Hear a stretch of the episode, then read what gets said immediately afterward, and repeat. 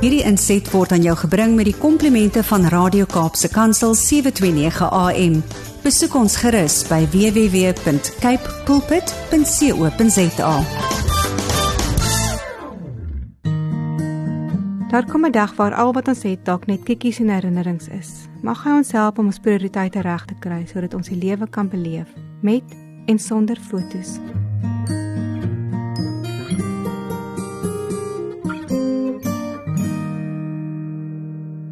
Ander pad uit. Die donkie het in die put geval. Die boer wou hom help, maar die put was leeg en diep. Dit was te vergeefs. Toe besluit die boer dat die donkie eintlik al oud was en die put nutteloos.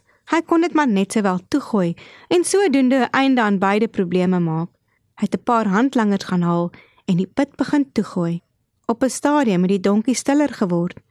Die boer het in die put geloer. Tot sy verbasing was die donkie baie duideliker sigbaar. Wanneer die mense grond ingegooi het, het hy dit van sy lyf afgeskit en daarop gaan staan. Uiteindelik was dit hoog genoeg dat die donkie kon uitspring.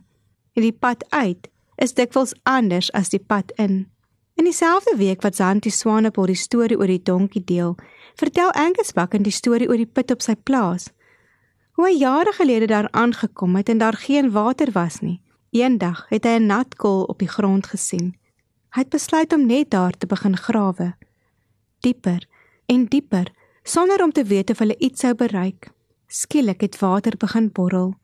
Hulle het die fontein bereik. En tot vandag toe word die plaas deur daardie put van water voorsien. Soms moet jy aanhou grawe. Op Radio Kaap se kansel deel Wouter Snyman een oggend iets oor Noag wat my tref.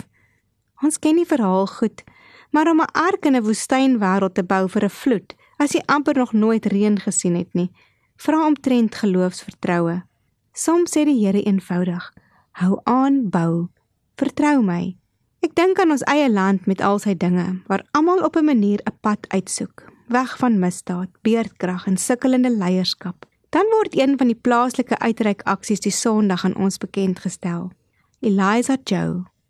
Hulle doel is om jong mense te help om vir 'n toekoms te werk. Drie jong manne deel hul getuienis.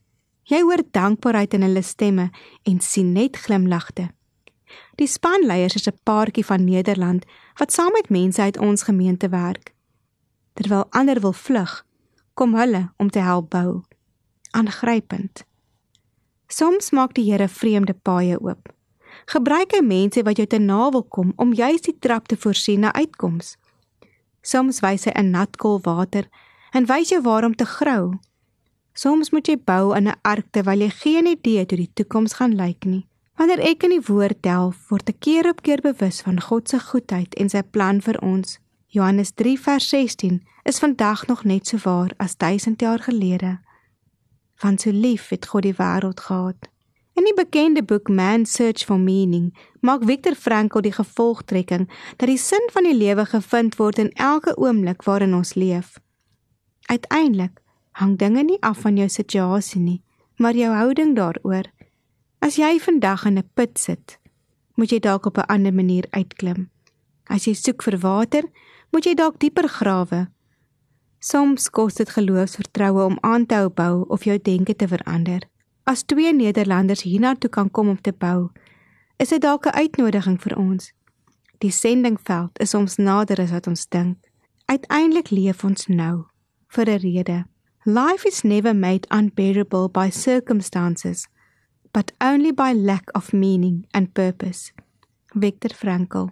Klim uit die put, grawe die boorgat of bou die ark, lewe. Die gees wat God ons gegee het, maak ons immers nie lafhartig nie, maar vul ons met krag en liefde en selfbeheersing. 2 Timoteus 1:7. Dit stuur ons uit om ligdraers te wees. Dit maak van ons pilare en verwag van ons om sy getuies te wees. Hy is die ander pad uit. Hierdie was 'n gedeelte uit een van my klippies van hoop. Gaan lees gerus verder uit Ansa se klippies van hoop.